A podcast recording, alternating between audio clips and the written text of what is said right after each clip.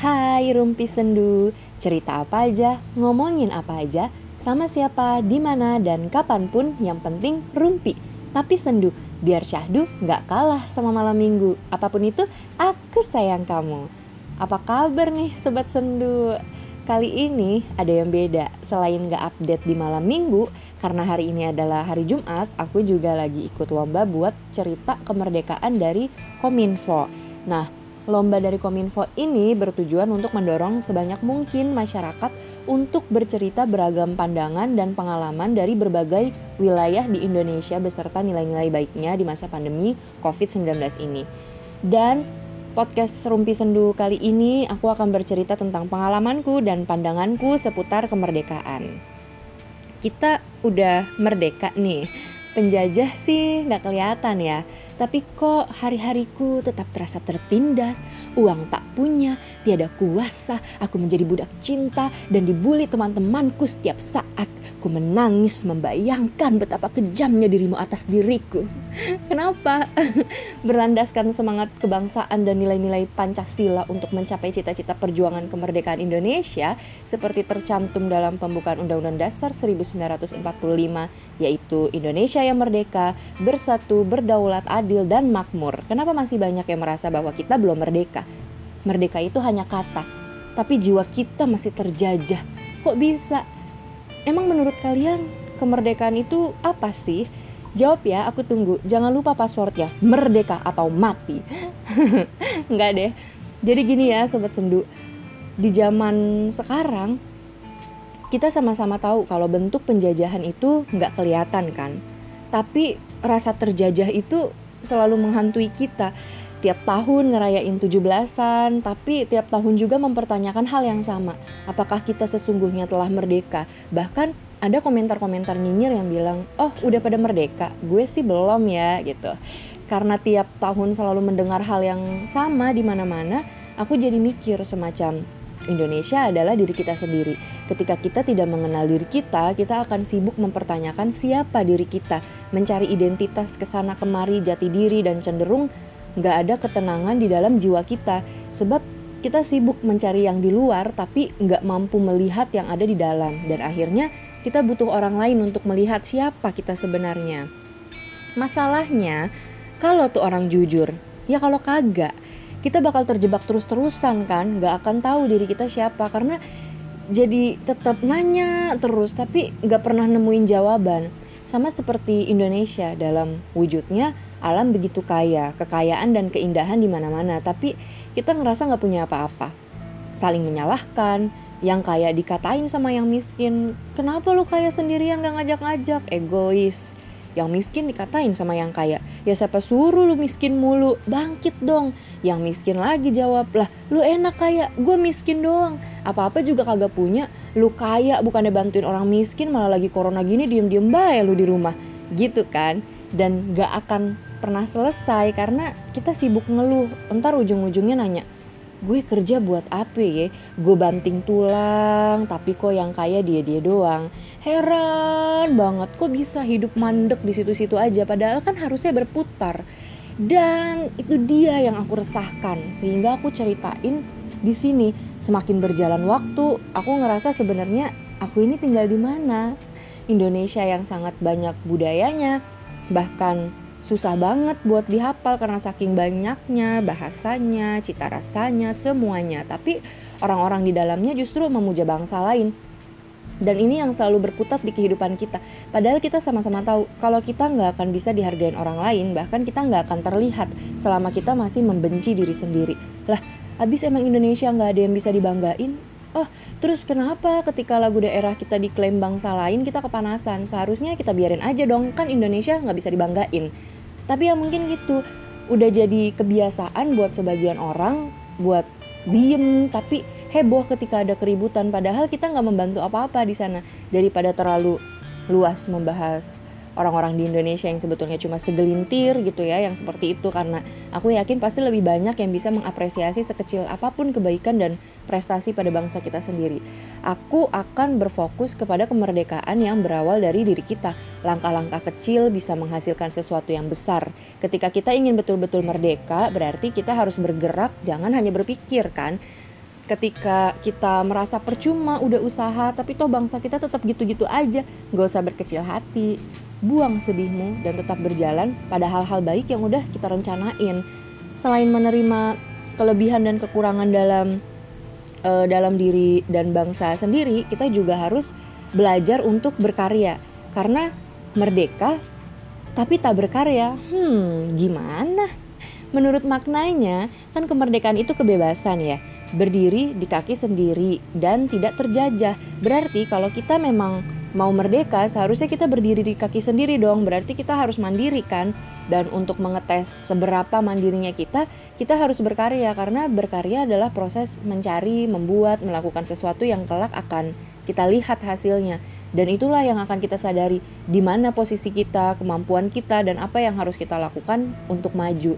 Nggak pandemi aja tuh rasanya susah banget kan buat berkarya. Apalagi dalam keadaan seperti ini, stres di mana-mana, panik, takut, khawatir, aduh rasanya hidup tuh udah jadi beribu-ribu kali susahnya. Apalagi kita dengar berita tiap hari yang bikin hati tuh rasanya nyes gitu ya. Bingung juga gitu mau gimana kan. Cuma bisa berdoa dan mematuhi peraturan yang ada aja itu udah bagus banget gitu udah enam bulan kita kayak gini dari yang masih punya kerjaan sampai nggak ada kerjaan dari yang masih ada tabungan sampai yang akhirnya habis juga tuh tabungan dan kepikiran gitu kan gimana sama kita kita yang punya utang yang harusnya ngebiayain karyawan orang tua yang menghidupi anak-anak dan orang-orang yang boro-boro mau diem di rumah dengan nyaman gitu. Tiap napas aja kepikiran gimana caranya nyambung kehidupan. Banyak yang dirugiin tentunya kan dan kita harus putar otak gimana nyelesain hidup kita sendiri?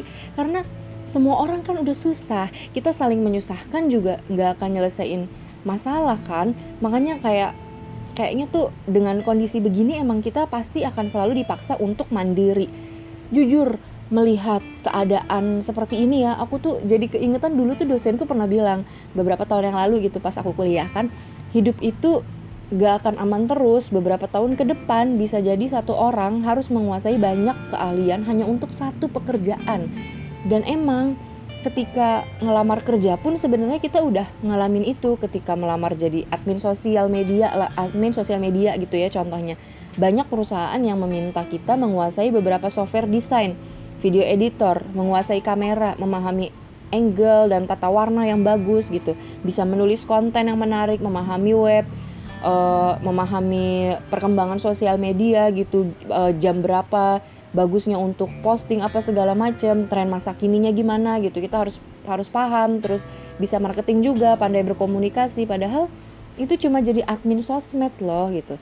Awalnya kan mikir ya paling cuma nulis caption jawab pertanyaan netizen gitu kan pertanyaan apa segala macam nyaut nyautin balas dm tapi ternyata sampai ngedesain dan lain-lainnya itu juga harus kita kuasai. Bahkan sampai web, copywriting, blogging. Aduh, gimana dong? Gak siap karena pahamnya cuma apa yang dipelajarin di sekolah sama kuliahan kan. Jadi nggak tahu tuh ilmu-ilmu yang lain dan itulah masalahnya kita pengen kerja tapi ternyata kualifikasinya nggak ada di kita. Kirim lamaran jadi berasa percuma gitu ya. Orang orang banyak kok yang yang nggak kita kuasain jadi aduh gimana? gitu. Dan lagi-lagi kita cuma bisa insecure. Ya ampun aku ternyata bodoh banget. Ya ampun semua orang pada hebat ya. Ternyata aku doang yang sampah gitu. Ya ampun aku harus gimana? Kemarin aku ngapain aja? Kayak gitu-gitu. Yang sebenarnya juga nggak akan menolong gitu. Sekarang ditambah pandemi lagi. Makin susah nyari kerjaan. Orang-orang udah pada susah. Ya ampun gimana? Banyak yang akhirnya bertindak kriminal ya kan makin banyak berita kriminal yang kita baca dan kita tonton gitu ya. Ada juga aku pernah dengar anak sekolah yang malah menikah ketika pusing sama tugas yang dilakukannya cuma via online. Ya udah, mumet kan, gabut ih, nikah ah, gitu kali ya. Tapi bisa jadi uh, karena ekonomi yang membuat remaja itu memilih menikah. Kita kan nggak pernah tahu ya uh, hidup orang gitu. Makin ke sini ngerasanya tuh kayak ya makin ruwet aja gitu. Kita pengen cari aman gitu. Situasi makin nggak jelas dan bisa jadi ke depannya akan semakin heboh gitu kan. Tapi jangan sampai ya semoga aja membaik. Amin. Nah tapi gimana caranya biar kita bisa mandiri menghadapi semua ini? Temanku selama pandemi menerjemahkan satu novel. Dari novel bahasa Inggris dia terjemahin ke bahasa Indonesia. Terus ada yang selama pandemi bikin usaha ada yang saling bantu promosi ada yang berkebun, ada yang jadi langsing karena olahraga dan makan sehat karena awalnya untuk menjaga imun biar nggak kena virus, eh taunya dapat bonus jadi kurus. Aku selama pandemi itu nonton siaran live para sutradara, pemain film, terus uh, baca buku lebih banyak, ikut kelas online, nulis jurnal, belajar doodle, uh, mewarnai kayak gitu-gitu. Terus beberapa temen di sosmed aku gitu ya, aku lihat juga punya kegiatan baru ada yang jadi rajin cover lagu, belajar main musik, melukis, banyak. Dan salah satunya juga selama pandemi ini merhatiin ondel-ondel yang lewat depan rumah. Kayak gini nih, kedengeran nggak? Bahkan tuh ondel-ondel. Bahkan di bulan ini aku lihat ada yang akhirnya jadi ngejualin lukisannya gitu. Jadi kan bermanfaat ya kegiatan barunya itu. Kita bisa contoh orang-orang yang berbagi pengalaman mereka di sosial media. Kita rasain gitu semangat mereka bertahan dalam situasi yang rumit ini gitu dan kita pilih mana jalan kita yang cocok buat kita yang kita butuhin gitu dan rata-rata emang ketika dalam situasi sulit yang akan menolong kita ya kreativitas kita sendiri gimana kita berkarya membuat sesuatu berinovasi dengan sesuatu gitu. Uh, gimana kita mengulik dan mencari alternatif yang menarik terus berkolaborasi lalu berbagi. Dan emang kalau aku lihat ya lingkup pertemananku di sosial media selama pandemi ini hampir semua itu gencar lagi gencar-gencarnya pamer karya. Dan itu bagus banget dong kita jadi kayak ngerasa kita bisa bertahan di situasi yang rumit asal kita mau bersungguh-sungguh berdoa dan saling mendukung. Ada yang rajin bikin puisi terus ada yang baca puisi sambil di videoin ikut lomba nulis novel yang alhamdulillah tuh kemarin ada yang hadiahnya 200 juta kalau nggak salah.